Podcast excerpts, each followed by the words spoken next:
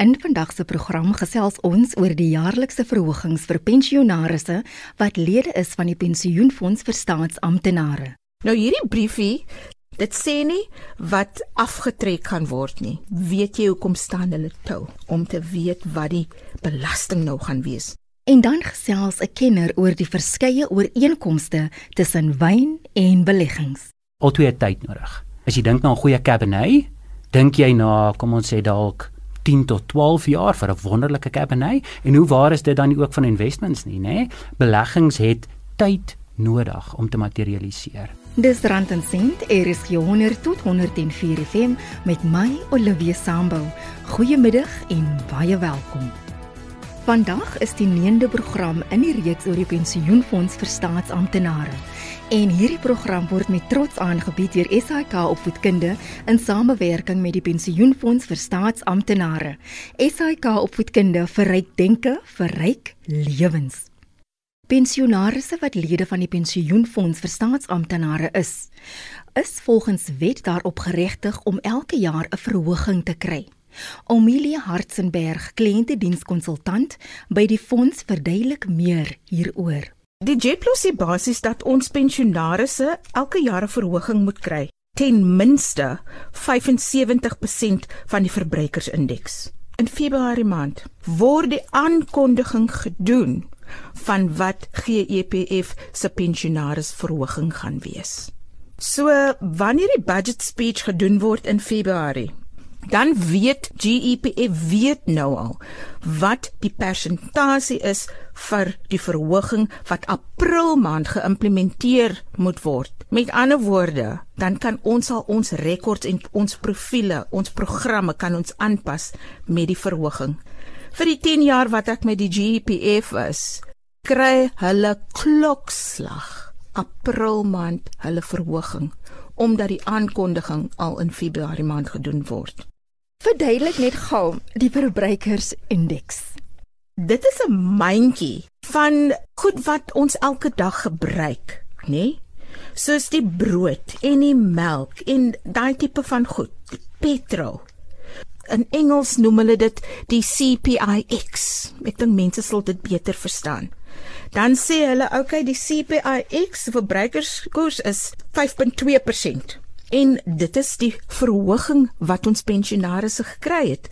Alhoewel die wetgewing sê ons moet ten minste 75% van die verbruikersindeks betaal aan ons pensionaarsse, het ons 'n 100% verbruikersindeks verhoging aan ons pensionaarsse toegestaan van die 5.2.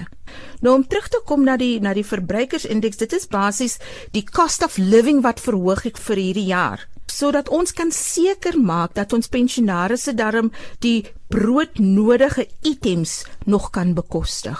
Pensionaarsse word dan per brief in kennis gestel van die verhoging. Dan as die hierdie briefies uitgegaan het. Onthou die aankondiging word mos nou gedoen in Februarie maand. Maart maand begin ons al om die briewe reg te maak en uit te stuur. Dan kom hulle vir payslips vrou, ek sê jou die briefie lees basies, um, die verhoging wat toegestaan is is 5.2% en um, verlede jaar se salaris wat dit en vanaf 1/4/2019 of 2020 gaan jou salaris hierdie wees. Nou hierdie briefie sê net vir jou wat jou bruto inkomste is, nê? Dit sê nie wat afgetrek gaan word nie. Weet jy hoekom staan hulle toe? om te weet wat die belasting nou gaan wees want hulle wil nou beplan wat die rand en sent in hulle bankrekening gaan verskyn die volgende maand of so.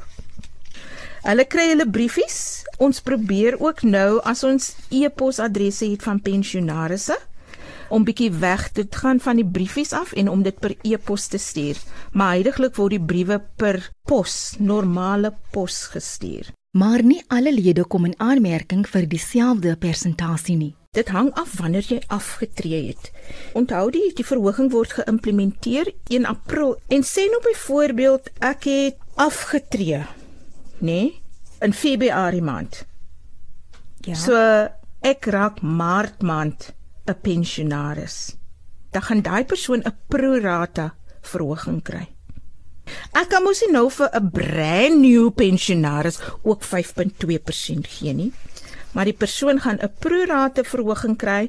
Hy is Februarie maand uit, Maart maand het hy ons pensionaris geword, so hy gaan basies 'n prorate van 2 maande se verhoging kry. Weereens jy kry die GEPF Sambreel. En onder die GEPF Sambreel is daar ander fondse wat ook geadministreer word soos byvoorbeeld die AIPF.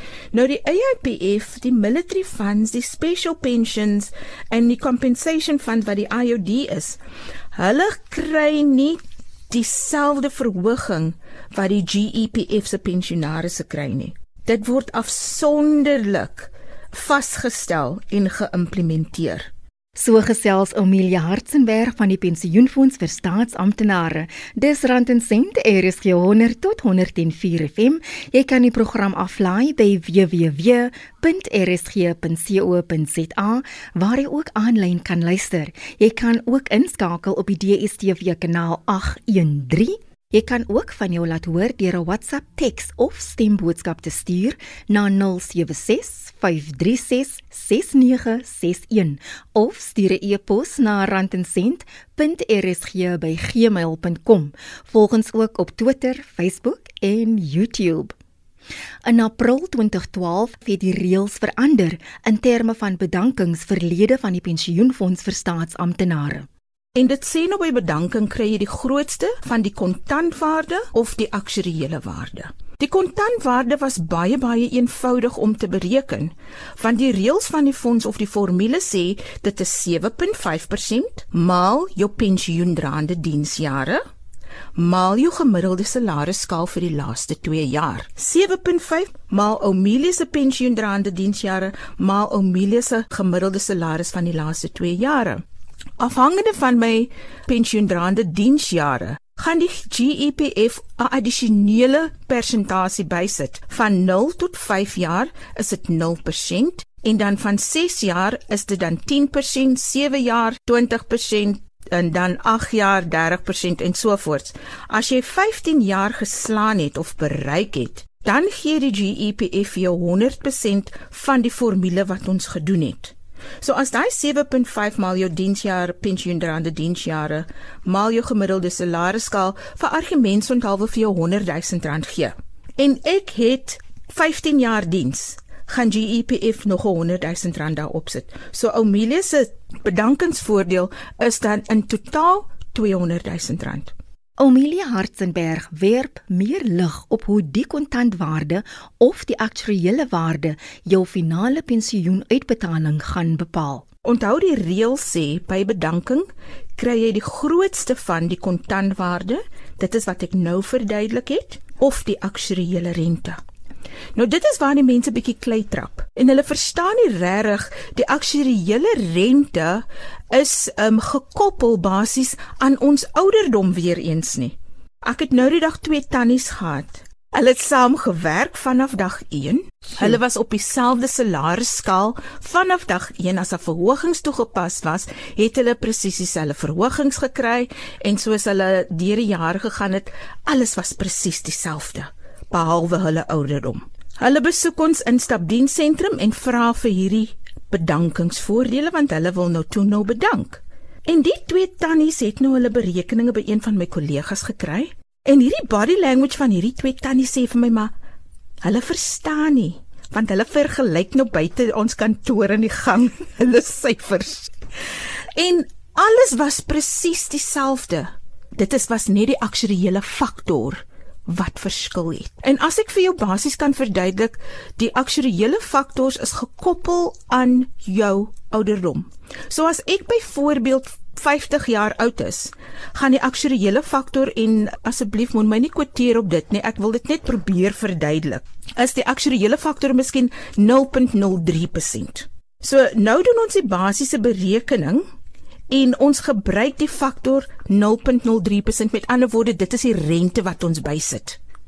Maar nou is my vriendin, ons het alles presies dieselfde, jare diens salarisskaal, maar ons ouderdom is verskil. Die moment jy 55 is, is daar 'n ander stel aktuariële faktors wat gebruik word.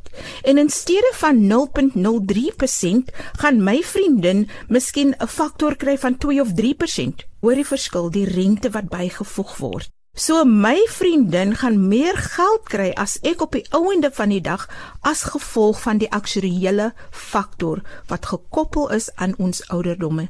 En hierdie berekening of die aktuariële faktor is basies net van toepassing as jy bedank as jy 'n eenmalige enkel bedrag kry. Amelia Hartzenberg van die Pensioenfonds vir Staatsamptenare. Dis 'n wonderlike gevoel wanneer jy jou passie ontdek en in staat kan wees om dit uit te leef. François Lombard, spesialis in spaar en beleggings by Momentum, is iemand wat sy passie in beleggings en wyn elke dag uitleef. En vandag gesels hy oor hoekom 'n goeie belegging en goeie wyn soveel ooreenkomste toon.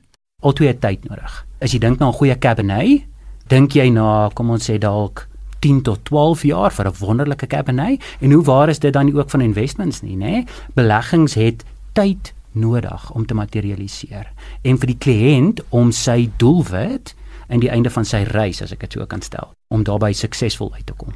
Maar hoekom is dit so belangrik van as jy nog niks weet van beleggings nie. Hmm. En ek kyk hierdie fantastiese rolprente waar mense oornag ryk word as hulle geld belê. So mense vind gewoonlik dit gebeur baie in die rolprente eerstens, maar tweedens ook jy sien altyd Ek weet nie of jy bekend is met die FANG aandele nie. Facebook, Amazon, Netflix en Google. Daar word redelik baie artikels daaroor geskryf en die opbrengste wat gemaak is deur kliënte daarin oorskuur kom ons sê 40% geannualiseerde groei per jaar. Die realiteit is daai groei is klaar. Daai groei is nie meer beskikbaar vir mense wat nou belê nie.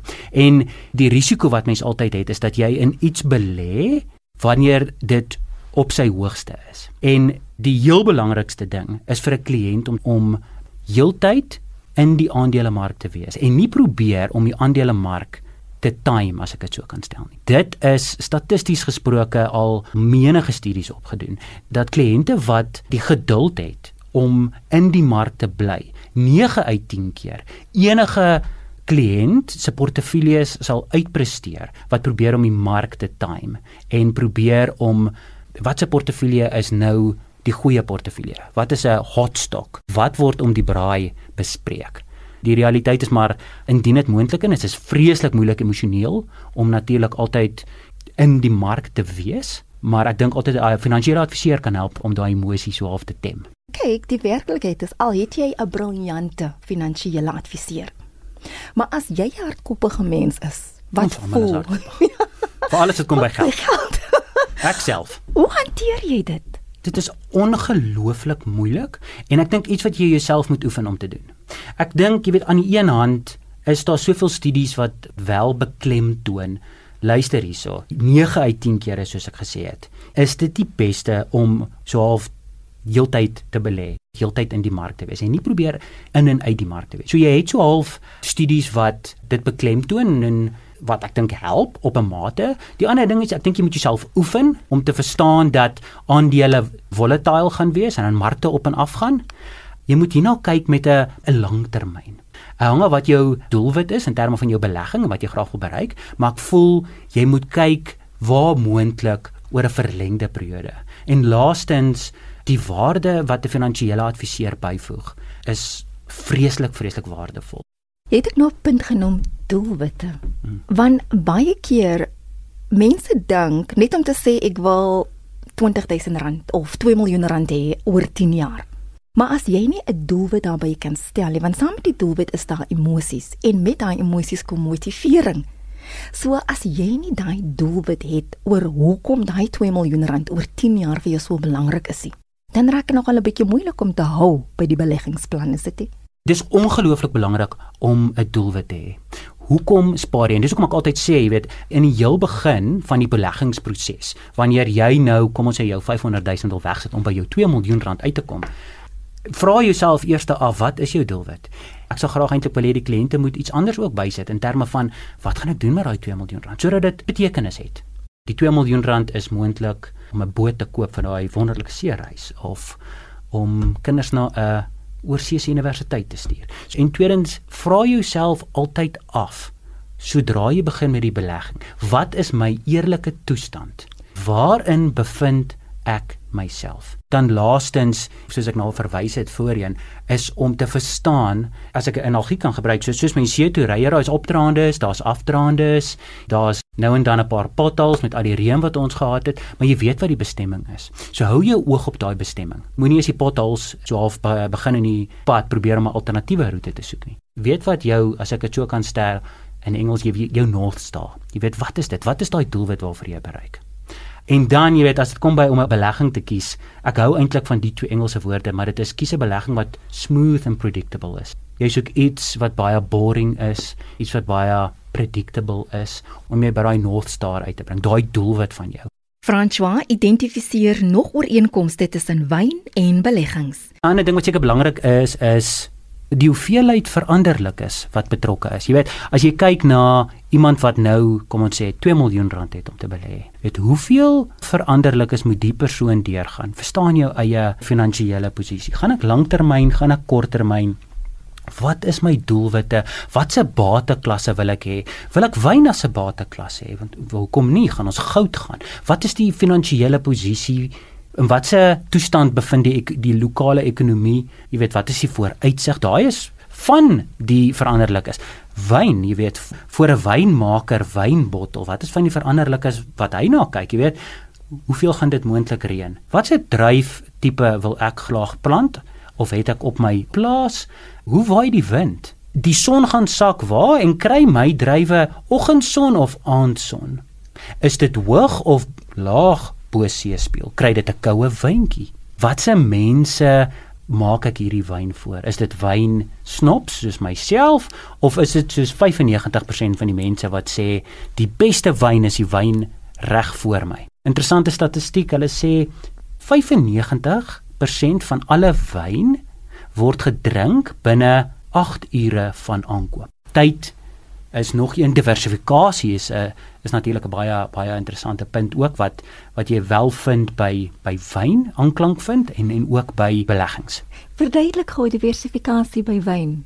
Ag diversifikasie by wyn, jy weet die die wynmaker het kom ons sê 5 tipe enkel variëteite wyn. Hy dalk 'n Cabernet Sauvignon, hy het 'n Merlot, Shiraz en 'n Pinotage. So, jy weet diversifikasie is gaan hierdie wynmaker al die enkel variëteite bottel, is daar dalk meer waarde vir hom om 'n kombinasie van die te bottel? Watse persentasies is natuurlik die beste? Watse persentasie gaan lei tot 'n wyn wat die sagste op die palet is? En so diversifikasie is baie prevalent in wyn en in beleggings die ou woord van moenie al jou eiers in een mandjie hê nie word maar basies baie goed opgesom. Hoe kies jy die regte aandele? Ek dink wat jy moet doen is verryk jouself met wat op die internet aangaan. En dan moontlik 'n goeie strategie om te volg is nie om te fokus op die top 40 nie want hoe kan jy regtig 'n opinie hê oor elke liewe aandeel op die top 40 so as dit 'n hobby van jou is 'n stokperdjie is dit moontlik goed om te sê ek as 'n persoon geniet tegnologie as tegnologie 'n passie van jou is kyk na aandele in tegnologie jy gaan meer aangetrokke wees tot die aandele wat betrekking het op die tegnologiese sektor en dit gaan ook vir jou interessant wees. So jy gaan wil leer van dit. Jy gaan wil leer van wat doen Google of Alphabet dan nou? Wat is die planne moontlik vir Facebook? Ek dink dan is dit 'n goeie manier. Maar dan kies 'n handvol, hou hulle dop, lees oor hulle, dan gaan jy 'n goeie ingeligte opinie oor die aandele kan hê. Ek dink dis 'n goeie strategie om te volg. Dit was François Lombard van Momentum. Ek het ook met Omelia Hartzenberg van die Pensioenfonds vir Staatsamptenare gesels. En vir meer inligting oor die Pensioenfonds vir Staatsamptenare, kan jy na een van hulle instapsentrums gaan in enige van die 9 provinsies. Jy kan hulle ook gaan besoek by een van die 7 satellietkantore of jy kan die tolvrye nommer skakel by 0800 117 6 669 dis 0800 117 669 Dan kan jy ook 'n e-pos stuur na inquiries@gepf.co.za of jy kan die webtuiste besoek by www.gepf.co.za en dan kan jy ook op Twitter met die fonds in aanraking kom. Dis tot siens van my Olivia Sambo. Tot volgende Sondagmiddag om 4uur net hier op Rand en Sent, RSG 100 tot 104 FM.